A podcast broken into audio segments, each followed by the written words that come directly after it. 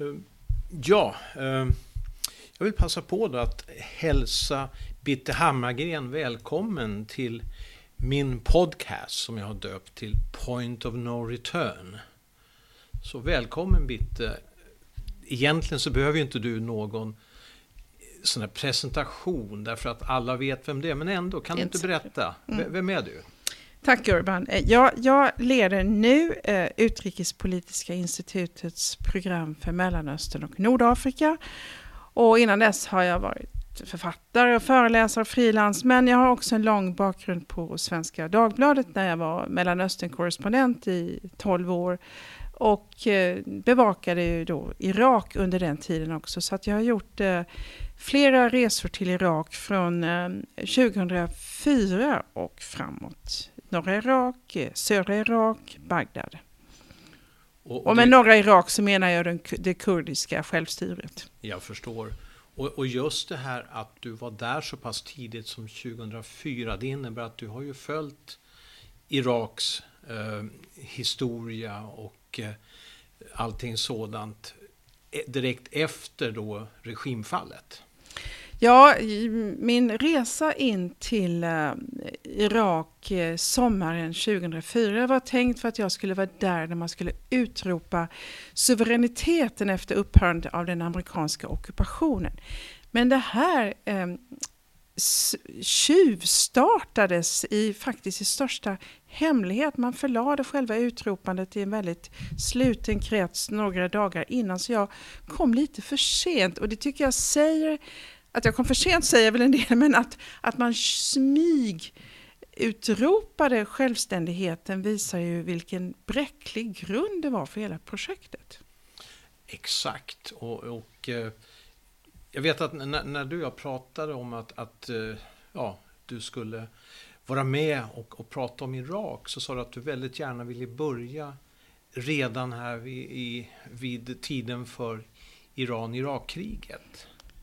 Och så, så, min fråga är lite grann, hur kommer det sig? Var, varför sätter du det som på något sätt början? Är det, ser du det som början till det som vi ser idag? Ja, man kan ju, det är alltid svårt att diskutera vad är början till händelseutvecklingen i Mellanöstern. Vi kanske ska gå tillbaka till första världskriget. Men, men låt oss gå tillbaka till Iran-Irak-kriget eh, på 80-talet som ju var ett förfärligt krig som det var ganska tyst om i i västvärlden, eh, men som definierar regionen och har gjort det sedan dess och som har lagt grunden till Shia-Sunni-konflikter, motsättningar mellan eh, Iran och eh, arabvärlden och så mycket annat. Detta var ett förfärligt krig där eh, västvärlden eh, i det tysta gav Saddam-regimen logistisk hjälp. Man försedde den med substanser för kemiska vapen. Man fördömde inte Irak när de använde kemiska vapen mot iranska soldater på slagfälten och även någon iransk by. Eh, och det faktum att man inte gjorde det eh, berodde på att USA framförallt hoppades på att Saddam Hussein skulle knäcka ryggraden på den nya Islamiska republiken i Iran.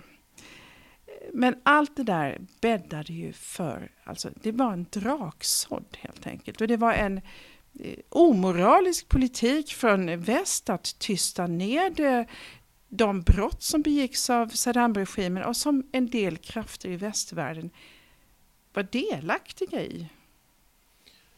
Så, så du, du, du ser det som att ett, en väldigt klar västlig inblandning i det kriget? Ja, det var ju, alltså Saddam-regimen fick ju logistisk hjälp av USA. Det var inte så att USA försedde dem med några stridskrafter, men jag tror det var 83 eller 84 som Reagan-administrationen skickade sin utsände och det var Donald Rumsfeld som träffade Saddam Hussein och där slöt man en uppgörelse för då hade kriget inte gått den vägen som Saddam Hussein hade hoppats på. Man hade inte kunnat knäcka Iran fastän land befann sig i ett kaos efter revolutionen. Eh, iranierna slog tillbaka på slagfälten med hjälp av sina unga tvångsrekryterade rekryter också. Så att det, det, här är och det var ett oerhört blodigt krig. Men där gick USA in och sen så levererade ju väst substanser för kemiska vapen. det där blir man ofta påmind om när man reser till Iran. Eh, utanför Tysklands ambassad så finns det ett stort liksom, plakat som liksom, tar upp eh, namn på tyska firmor som sägs ha levererat substans för kemiska vapen.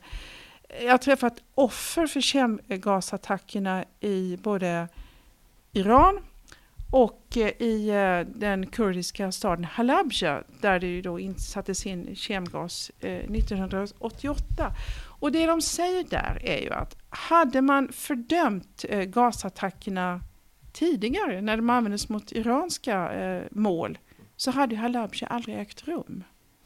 Det är en enorm bitterhet över detta. Och det finns faktiskt ett, ett svenskt eh, bidrag till kunskapen om detta för att det var en, en expert från FOA som det hette då, alltså Försvarets forskningsanstalt, nuvarande FOI, som var med att ta fram bevis på att det var eh, kemiska vapen som användes vid slagfältet. Det här skickade man rapporter om till FN-systemet. Men FNs säkerhetsråd fördömde aldrig detta. Och hade man gjort det så hade kanske eh, det fasansfulla i Halabja aldrig inträffat. Och med allt som har följt därefter. Ja, och eh, du, du, har ju också, du har ju bara, du har också besökt Halabja. Mm. kan du bara ge oss en, en liten en liten fingervisning om hur, hur hemskt det var. Därför att jag tror att eh, det, det, är nog många idag som har glömt bort det. Ja, alltså, invånarna i, i, i Halabja berättade om det kom liksom tjocka moln över staden och det, de drog in över, efter att stridsplan hade flugit där, de drog in över vissa stadsdelar. Jag minns en eh, överlevande som hade förlorat hela sin familj, alla utplånades, tolv familjemedlemmar. Och, och eh, om vi minns de här frysta bilderna så finns det bilder av, av människor som omfamnar sina små spädbarn. Och de, de dör i samma ögonblick som gasen träffar dem. Det är sådana här frusna bilder av, av fasorna. Och de som är överlevande de lider ju ofta av livslånga skador som, som de aldrig blir av med, som drabbar lungor och ögon och annat. Och det de sa där var att Saddam Hussein avrättades ju, nu hoppar vi lite i historien, eh, efter USAs eh, invasion. Efter en ståndrätt kan man säga. Och det var ju en eh, väldigt snabbt avklarad process där överlevarna från Halabja hade väntat sig att de skulle få vittna eh, mot Saddam Hussein för, för, vad han hade gjort mot dem. Och i det som var, kallades för anfallkampanjen i norra Irak, det som har klassats som folkmord. Men han avrättades ju långt alltså innan de hade chansen att ta upp detta. Han avrättades för ett eh, eh, attentat mot eh, upproriska shia-muslimer i en mindre stad, Dujail. Och de överlevande Halabja menade att det fanns en politisk avsikt i detta, att eh, det fanns krafter i väst som inte ville att Saddam Hussein skulle få chans, eh, eller att de överlevande skulle få chans att ta upp hela eh, det fasansfulla kring Halabja och hur kriget hade förlöpt vid den tiden. Och, och varför tror du att, att uh, man, man gjorde så? Då? Varför ville man så att säga, so, so, sopa det här under mattan? Ja, det var ju naturligtvis känsligt för Bush-administrationen att Eh, det blottlades vilket stöd som eh, Saddam Hussein hade fått ifrån den republikanska Reagan-administrationen. Donald Rumsfeld som var eh, Reagans sändebud i Bagdad i början av 80-talet var ju sen USAs försvarsminister och var en av arkitekterna bakom invasionen 2003. Så att, så att det känns som att väldigt mycket av det som, som hände under den tiden har man på något sätt velat sopa under mattan.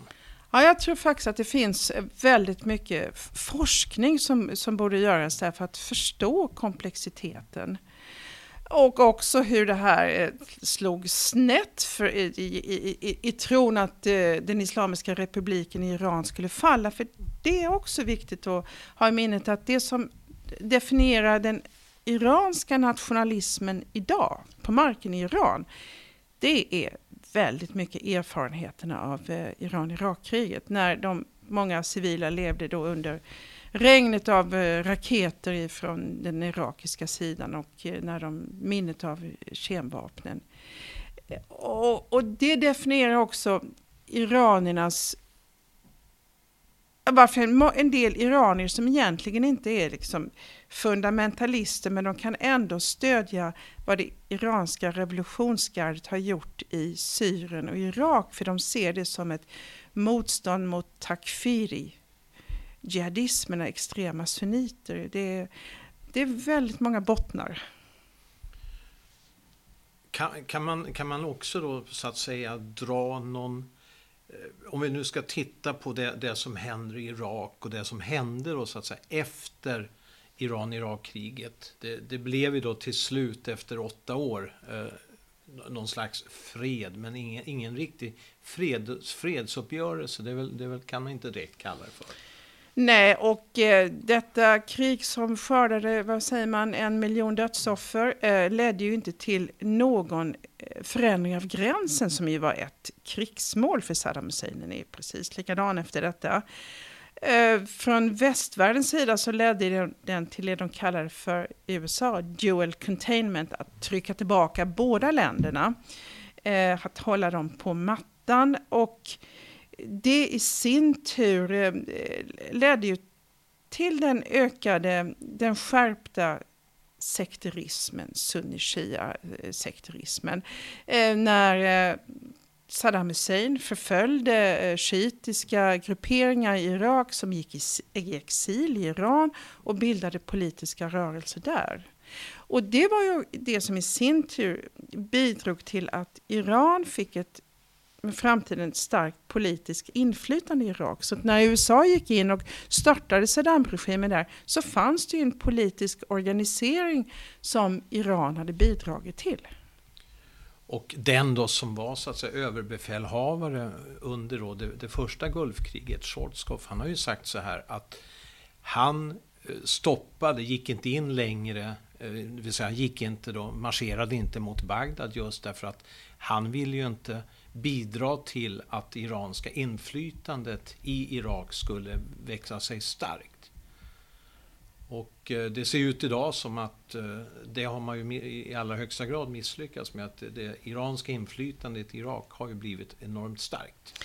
Ja, det, det är som att arkitekterna bakom invasionen 2003 inte hade med det i sina kalkyler. Det fanns inte med i de här paradigmen. Vad händer när vi störtar regimen? Och när vi liksom eh, olagligt förklarar hela Baathpartiet eh, gör en hel armé arbetslös. Det fanns inte med i kalkylerna och det är egentligen obegripligt. Ja, ja så är det ju. Så är det ju. Och konsekvensen utav det ser man väl fortfarande? Ja, det är klart vi ser, för att det skapade ju ett, eh, nytt Irak där naturligtvis Iran eh, fick ett enormt starkt inflytande och man kan säga att eh, det blev som en, en första försvarslinje för Iran eh, geografiskt. Och eh, samtidigt så skapades det ju en ny regim där korruptionen blev enormt grasserande. Och så fick vi hela den stora djupa sunni-shia-motsättningen. Och där också Iraks mångfald eh, tunnades ut för att nära nog utplånas på många håll eh, i, i, i de följdkrig som fortsatte och de strider som fortsatte. Jag, jag tänkte så här, du, du, har ju själv då, som du berättade tidigare varit på besök i Irak. Kan du berätta lite grann om det? För att man kanske kan spegla händelseutvecklingen i Irak genom di, dina besök. Ja, när jag reste till eh, södra Irak eh, så var jag faktiskt inbäddad med eh, brittisk trupp. Jag var någon sorts journalistisk försökskanin innan de, vi var fyra journalister som fick flyga ner där innan de skulle ta dit brittiska journalister, liksom den riktiga delegationen. Det här var inför det första valet i Irak 2005. Vi åkte då upp till, vi var i Basra eh, som ju var en stad där britterna i stort sett inte vågade röra sig ute på gatorna. Eh, de möten jag hade med eh, irakier fick äga rum på eh, det stora generalkonsulatet, tidigare presidentpalatset. Men Sen var jag också uppe i staden Nasiriyah längs, längs floderna. Och det var en väldigt märklig upplevelse för där fick vi träffa stadens enda kvarvarande kristen. Alla andra kristna hade liksom flytt till Nasseria, det var för farligt. Vid ett annat besök i norra Irak, eller i Erbil i, i, i Kurdistan, så träffade jag eh, skräckslagna kristna som hade varit militärtolkar åt amerikanerna. Och de visste att det fanns prislappar på deras huvuden. Alltså att ha samarbetat med amerikanerna. Och det var ju någonting som ofta människor ur minoriteterna gjorde. Många var välutbildade. Men det gjorde ju livet eh, livsfarligt för dem efteråt. Jag tänkte gå tillbaka lite grann till det där att eh, du pratar just om hur, hur de minoriteterna, eh, du uttryckte det så väldigt fint, att, att de, de förtunnades, var det inte så du sa det? Mm. Eh, tunnades ut. Tunnades ut, tack.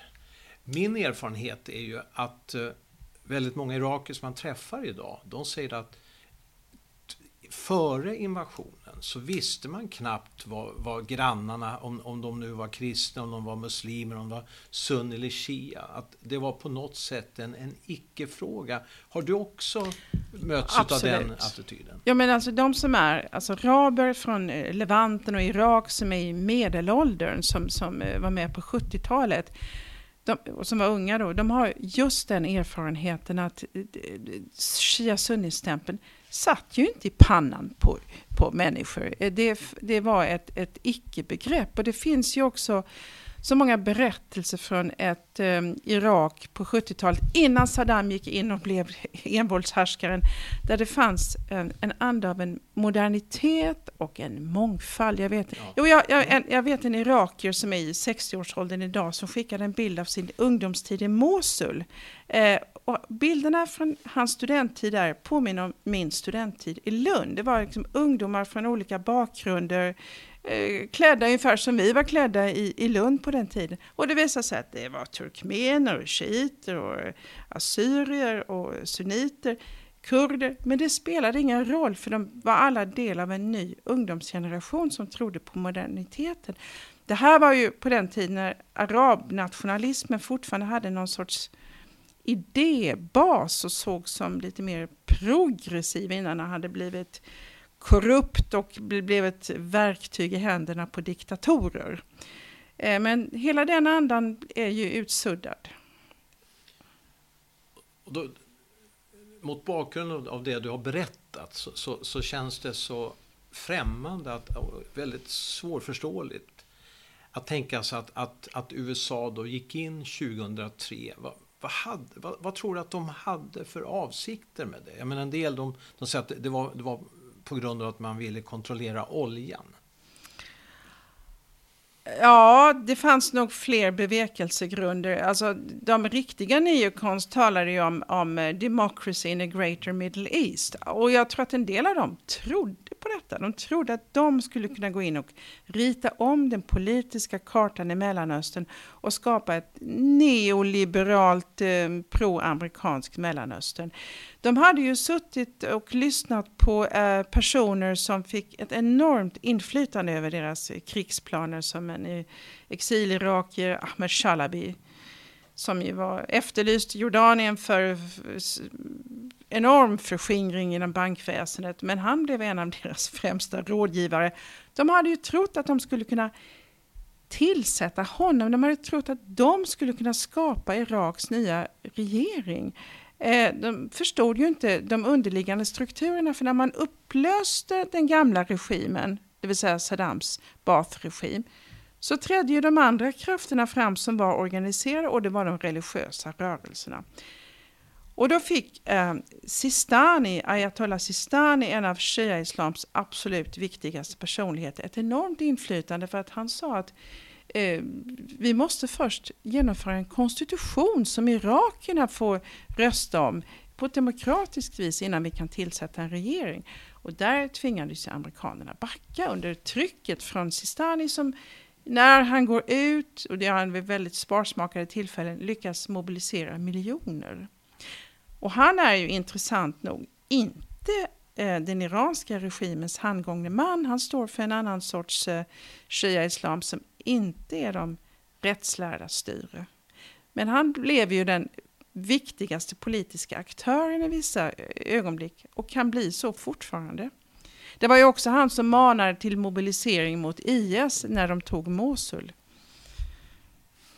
Så, så, så där innebär att, och, och, det är också intressant att han är ju, han är ju inte född i Irak utan han Nej. är ju född i, i Iran. Så att eh, det är många som baktalar honom och säger att han pratar inte ens arabiska. Nej, åtminstone så talar han det med väldigt stark persisk brytning. Eh, men man ska ju också ha i minnet att alla iranskfödda eller iranska ayatoller eller präster stödjer ju inte idén med de rättslärda styre. Det finns en ganska, ganska många som är emot det av religiösa skäl eftersom de menar att det vänder befolkningarna mot prästerna. Och du, du har ju redan pra, börjat prata här lite grann om, om Daesh eller, eller Islamiska staten. Uh, kan, om, om, vi går till, om vi går tillbaka lite grann så här. En av bevekelsegrunderna som, som Bush-administrationen uppgav var ju att Irak då hade stöttat uh, uh, Osama bin Laden. Stämmer det? Fanns, fanns al-Qaida, fanns de representerade i Irak? Alltså det fanns ju eh, eh en salafistisk ledare i norra Irak, Zarqawi, en jordanier, en, eh, en, en jordansk jihadist som kom till Afghanistan och skulle upprätta sitt lyckorike där för sina trogna och som blev sen utkastad av Mullah Omar och då fick ett fotfäste i norra Irak men inte under Saddam Husseins inflytande så att de banden fanns inte där. Lika lite som det fanns några massförstörelsevapen kvar 2003. Så det där var ju ett eh, fabrikat som, som levererades som, som var mm, osant. Men men det ironiska är ju att, eh, att efter det att Saddam störtade så fick ju al-Qaida ett riktigt fotfäste i Irak. Och det var ju också i de amerikanska fånglägren, inte minst i det man kallar för Camp Buka, som banden slöts mellan eh, avsatta Saddam-officerare och irakiska salafister. Det som sen blev IS, det här nya konceptet att man inte bara ska spränga folk i luften med bomber utan försöka erövra ett territorium och bygga sitt kalifat. Det, alltså de fröna såddes i Irak. Sen, sen är det lite intressant också att eh, eh till exempel det som kallas för Sahwa-milisen, de de, började, de gick ju emot de här al-Qaida-terroristerna eh, och, och, andra grupperingar då, som var kopplade till dem och faktiskt stred på samma sida som USA och irakiska regimen. De fick ju vapen ifrån eh, USA, de fick till och med betalt. Ja, det var ju under den tiden man amerikaner hade det de kallar för the surge. När de dels satte in fler soldater och dels störtade och stöttade stammar i, i, i Anbar-provinsen ekonomiskt för att de skulle kasta ut al-Qaida. Det var ju väldigt eh, lyckosamt men, eh, men det följdes inte upp utan när amerikanerna drog sig ur så kunde ju eh, istället Iraks dåvarande premiärminister Maliki bedriva straffexpeditioner mot sunniter, även mot sunniter som hade kastat ut al-Qaida. Eh, vilket ju gjorde att de blev så fientligt inställda mot Bagdad också. Och, eh, premiärminister Maliki bär en stor del av skulden till den ökade sekterismen och bäddade därför för att eh, IS eller Daesh fick en ny grogrund i Irak. Och just i Mosul, intressant nog, som var en stad känd för att ha Eh, Eh, en väldigt stark militärstad. Många av Saddams officerare kom ju därifrån.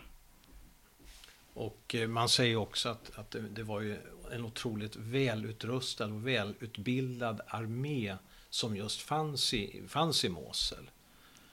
Och eh, så då, ja, nu, nu kanske börjar att spekulera lite grann, men, men, men jag tror att man måste göra det. Jag menar, vad, vad var det som gjorde att 30-40 000 irakiska soldater då, som, som var inte bara tungt beväpnade utan som hade väldigt sofistikerade vapen som de för övrigt då, i mångt och mycket hade fått ifrån USA. Vad var det som gjorde att de så att säga la sig och, och lät då några, ett, ett, par tusen beväpnade salafister, terrorister gå in i, i Mosul.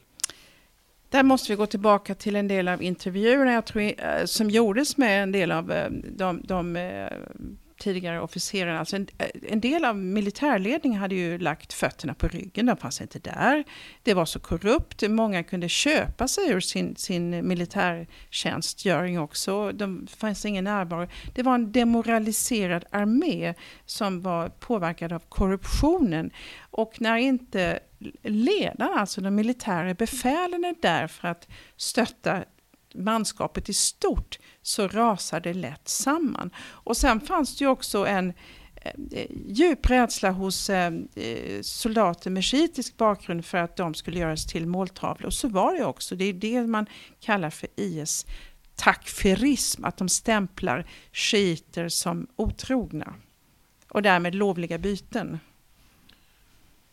Så att det, det, det, som, vi, det som vi ser idag, det, det, det går alltså tillbaka till ja, det här som, som vi har sett tidigare. Ja, man upplöste en hel armé och en hel statsapparat, fick därmed alltså en så miljontals eh, sunnitiska irakier eh, som motståndare till det nya eh, statsbygget i Irak. Eh, och eh, det i sin tur gjorde att IS kunde skaffa sig ett fotfäste när dessutom då, dåvarande premiärministern Maliki bedrev en sekteristisk politik och eh, eh och så har vi tillsammans med detta har vi korruptionen som, som, eh, som växte inom de nya stridskrafterna, den nya armén.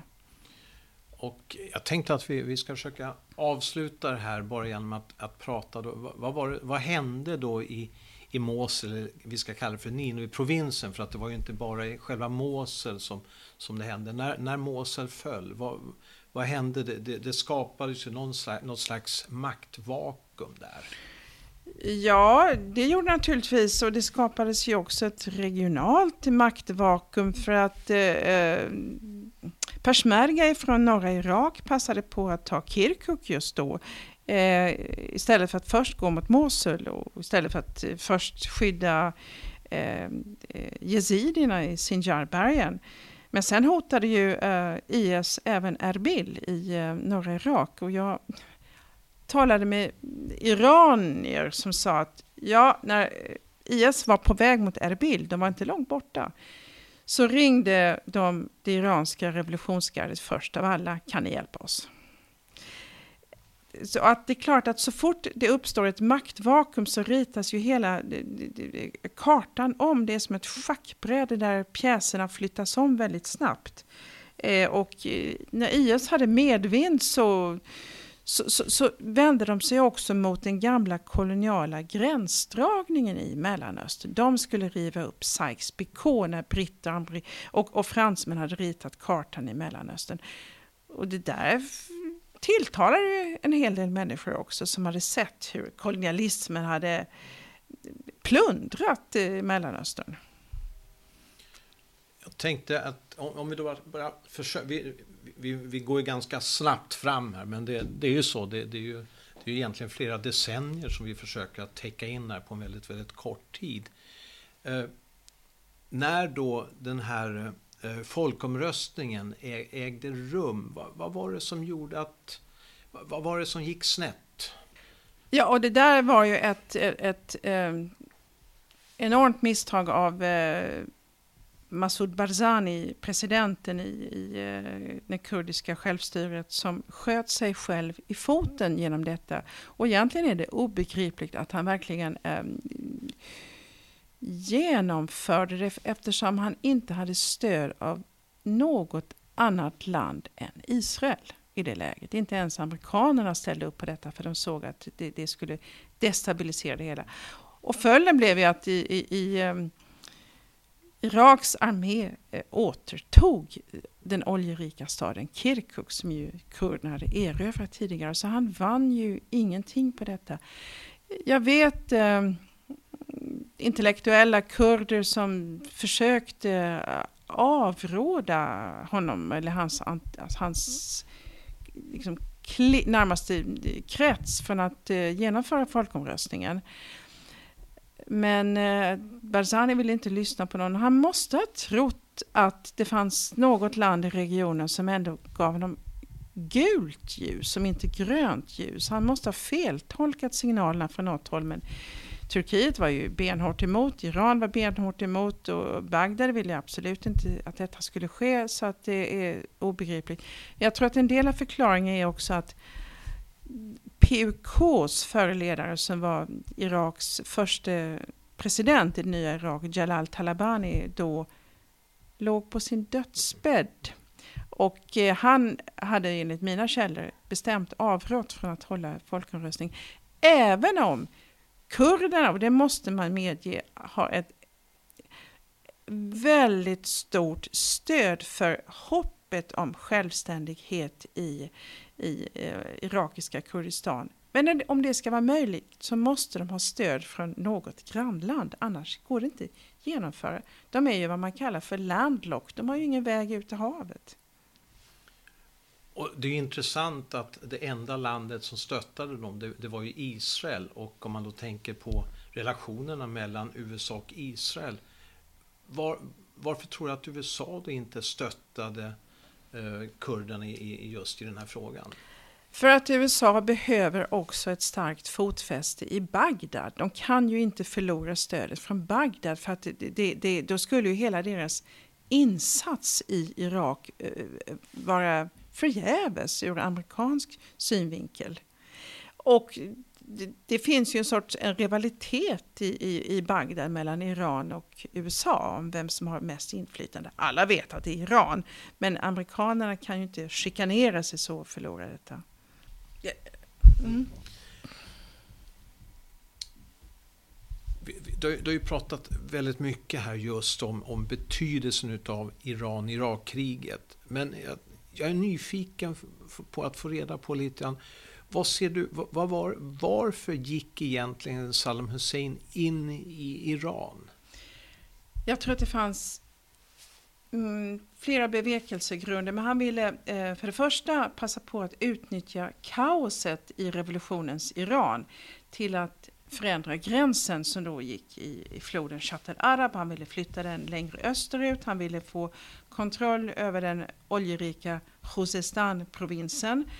Och han ville också eh, knäcka ryggraden på det shiitiska mm, motståndet mot honom själv i, i, i Irak eftersom det finns en shiitisk befolkningsmajoritet i Irak. Så att med andra ord att han såg det som en, en, en stor fara att den iranska våren, så att, förlåt mig, den Iran, han såg det som en stor fara att den iranska revolutionen skulle kunna spridas även in i Irak. Ja, det gjorde han ju eftersom det fanns ett, eh, ett motstånd mot honom bland irakiska religiösa shia-muslimer som blev eh, influerade av Irak och som, eh, förlåt, av Iran i detta fallet. Men tror du att, eh, det vet vi att, att eh, det största stödet fick ju Saddam Hussein egentligen då från Saudiarabien och Gulfstaterna. Kan de ha varit med där och, och pushat honom lite grann i den riktningen? Det där är en viktig aspekt för att eh, Saddam Hussein själv ansåg ju att han bedrev kriget även å deras vägnar. Och eh, när han sedan vid krigsslutet stod där med en eh, ekonomi som var raserad i grunden. Irak hade enorma krigsskulder och eh, inte hade lyckats uppnå någonting av sina krigsmål så förväntade han sig att Kuwait och Saudiarabien skulle betala nu för det, hans insats i kriget. Det gjorde de inte och det i sin tur förklarar varför Saddam Hussein gick in i Kuwait 1990 stämmer precis i augusti 1990. Så det var ju bara två år, ja, ganska exakt två år efter, freds, efter krigsslutet, alltså på kriget mellan Irak och Iran. Och där gick han ju tillbaka till det som var de gamla kartorna där, där eh, Kuwait hade varit en del av en osmansk Basra-provins och det fanns ju tidigare irakiska politiker som hade gjort anspråk på Kuwait. Eh, Eh, och eh, han hade ett möte med då den amerikanska eh, ambassadören i Bagdad där en del hävdar att han talade om för henne vilka planer han hade men hon sa sig inte ha förstått detta. Det var inte tänkbart menade hon. Det där är ju en tvist om vad som egentligen sades under det samtalet. Så, så, så det känns ju som att USA måste ha spelat en, en väldigt aktiv roll i just att pusha Saddam Hussein. Eh, inte, inte kanske att gå in i Kuwait naturligtvis, men man hade, man hade byggt upp en, en, eh, en slags ett Frankensteins monster som man kanske inte kunde tygla. Så tror jag också att man kan se det. Och eh, Saddam Hussein eh, vill naturligtvis tala om för amerikanerna att han har slagits mot eh, det som även var, var, USAs fiende, det vill säga Iran. Och eh, däremot kan jag inte föreställa mig att det föresvävade amerikanerna att, att han skulle faktiskt gå in och ta Kuwait. Nej, det, det, har man väl ganska svårt att föreställa sig. Men det är just det här att man, man bygger upp en, en, en diktator och eh, till slut så slår, slår, slår det tillbaka mot, mot en själv på något sätt. Det är väl inte första gången vi har sett det i, i världshistorien och heller kanske inte sista gången vi ser det. Säkert inte. Eh, men jag, jag, tänkte att eh, bara kanske att avsluta just, just det här då. Det är intressant att vi, vi har ju förstått varför USA då stöttade Irak i kriget mot eh, i kriget då mot Iran. Men varför gick man så att säga all in när det gällde just att stötta Kuwait? Eh, ja, det var ju för att eh, även eh, Saudiarabien som då hade världens eh, avgörande största oljeproduktion kände sig hotat. Eh, också. Och eh, det här eh, oljepolitiken, att kontrollen över oljekällorna är ju fundamentala för att man ska behålla en hegemoni och det var ju centralt för USA. Så att därför så tillät ju Saudiarabien att amerikanerna fick flyga in sina soldater via en luftbro eh, före anfallet mot Saddams eh, invasionstrupper i Kuwait. Och som i Mellanöstern, det ena föder alltid det andra. Närvaron av de amerikanska soldaterna på helig saudisk mark bäddade i sin tur för framväxten av al-Qaida den saudiske Osama bin Laden, vars pappa hade varit storbyggmästare för kungahuset, eh, eldades på av sitt hat mot det han såg som ett eh, statens brott mot sin heliga plikt när man lät amerikanerna befinna sig där. Och där har vi liksom frö till al-Qaida. Så, att, eh, ja, så hur, man än, hur man än vrider och vänder på det så, så kan det ibland ge de personer som säger att USA på något sätt har ja, bildat mer eller mindre, skapat Al-Qaida. Att man, man kan ge dem rätt till en viss del.